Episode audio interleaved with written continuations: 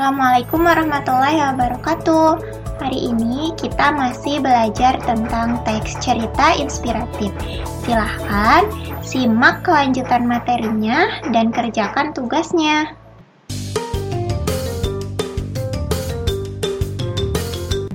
Struktur teks cerita inspiratif.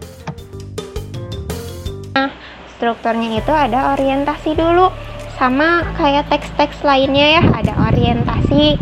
Orientasi di sini tuh pengenalan pengenalan ceritanya. Misalkan eh, dari sejak SD saya hidup bersama eh, nenek dan kakek saya. Semenjak saya hidup bersama mereka saya berjualan risol. Misalkan ya berjualan risol di sekolah setiap pagi saya bawa risol lalu dijual ke teman-teman dengan harga 2500 nah lalu masuk ke insiden peristiwa atau kejadian yang dialami toko. Saat saya berjualan risol saya sering diejek oleh teman-teman saya misalkan ya. Saya sering disebut uh, tukang risol gitu ya terus e, bau saus misalkan gitu. Nah itu masuk ke kejadian ke peristiwa yang dialami. Nah perenungannya di bagian perenungan kalian bisa ceritakan. Saat saya dipanggil bau saus, saya sering merasa down dan tidak ingin berjualan risol lagi misalkan ya. Ini misalkan, misalkan akhirnya setelah saya memikirkan hal itu saya akan terus berjuang demi kehidupan saya gitu ya. Terus masuk ke resolusi kesehatan penyelesaian masalah. Karena saya diejek habis-habisan oleh teman-teman saya saya pun bertekad kuat untuk terus melanjutkan usaha ini hingga saya besar nanti supaya saya jadi miliarder gitu ya. Miliarder tukang jual risoles misal Nah, kodanya bagian penutupnya berisi kesimpulan. Karena saya yakin saya akan menjadi miliarder, saya jadikan pengalaman saya sebagai peristiwa yang menyenangkan gitu karena dapat e, memicu saya untuk terus semangat dalam berusaha untuk kehidupan saya.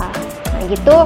Nah, cerita sederhana seperti itu bisa e, kita jadikan teks cerita inspiratif apalagi kalau dituangkan uh, ke dalam tulisan tentunya akan lebih berkembang gitu. Makanya jangan sampai malas untuk menulis, menulis apa pun. Berawal dari kehidupan kalian terlebih dahulu. Kaidah kebahasaan teks cerita inspiratif. Nah, biasanya teks cerita inspiratif ini menggunakan kalimat deskriptif. Kalimat deskriptif ini adalah kalimat-kalimat yang menggambarkan. Tadi ya kayak tadi. Misal saya tinggal bersama kakek dan nenek saya. Saya setiap hari jualan risol. Kegambar enggak? Gimana gitu ya? Jualan risol teh bawa keranjang bawa risolnya berangkat dari rumah ke sekolah. Nah itu ya harus bisa dibayangkan oleh pembaca tentunya saat menggunakan kalimat deskriptif. Dijelaskan dengan rinci tapi dengan kalimat dengan kata-kata. Lalu menggunakan kata ekspresif. Nah kata ekspresif di sini kata-kata yang emosional gitu. Saya sangat sedih ketika diejek oleh teman-teman saya. Meskipun teman-teman saya senang mengejek saya tetap saja saya merasa tidak senang. Saya merasa ingin menangis seharian misalkan nah itu ekspresif bisa dirasakan oleh pembaca gitu ya. Menangisnya seperti apa sedih seperti apa. Nah lalu menggunakan majas. Nah di sini majas itu gaya bahasa. Nah yang dipakai itu hiperbola biasanya. Kayak misalkan ya saat saya diejek suara teman saya menggelegar seperti suara petir gitu ya. Misalkan itu masuk ke majas hiperbola kalian bisa cari-cari ya di Google di artikel di jurnal. Tentang majas-majas silahkan dibaca. Langkah menulis teks cerita inspiratif. Gimana sih cara bikinnya ya? Cara bikinnya kalian harus menentukan dulu tema sama amanatnya. Karena tadi yang paling utama itu kalian tentukan mau ke arah mana ceritanya lalu pesannya apa yang mau dibangun gitu ya.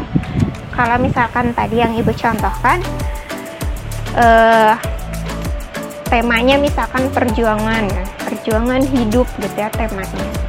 Judulnya Acil si Acil Juragan Risol misalnya itu judulnya. Terus amanatnya kita harus tetap semangat dalam menggapai mimpi kita untuk menjadi miliarder gitu ya, miliarder yang rendah hati, yang dermawan gitu. Terus buat kerangka isi ceritanya. Nah, tadi Ibu sudah membuat kerangkanya ya, poin-poin dari setiap strukturnya. Coba nanti kalian buat kerangkanya. Lalu buat paragraf awal yang menarik misalkan. Acil si miliarder terlahir dari orang tua yang biasa saja bahkan mereka tinggal di hutan belantara misal.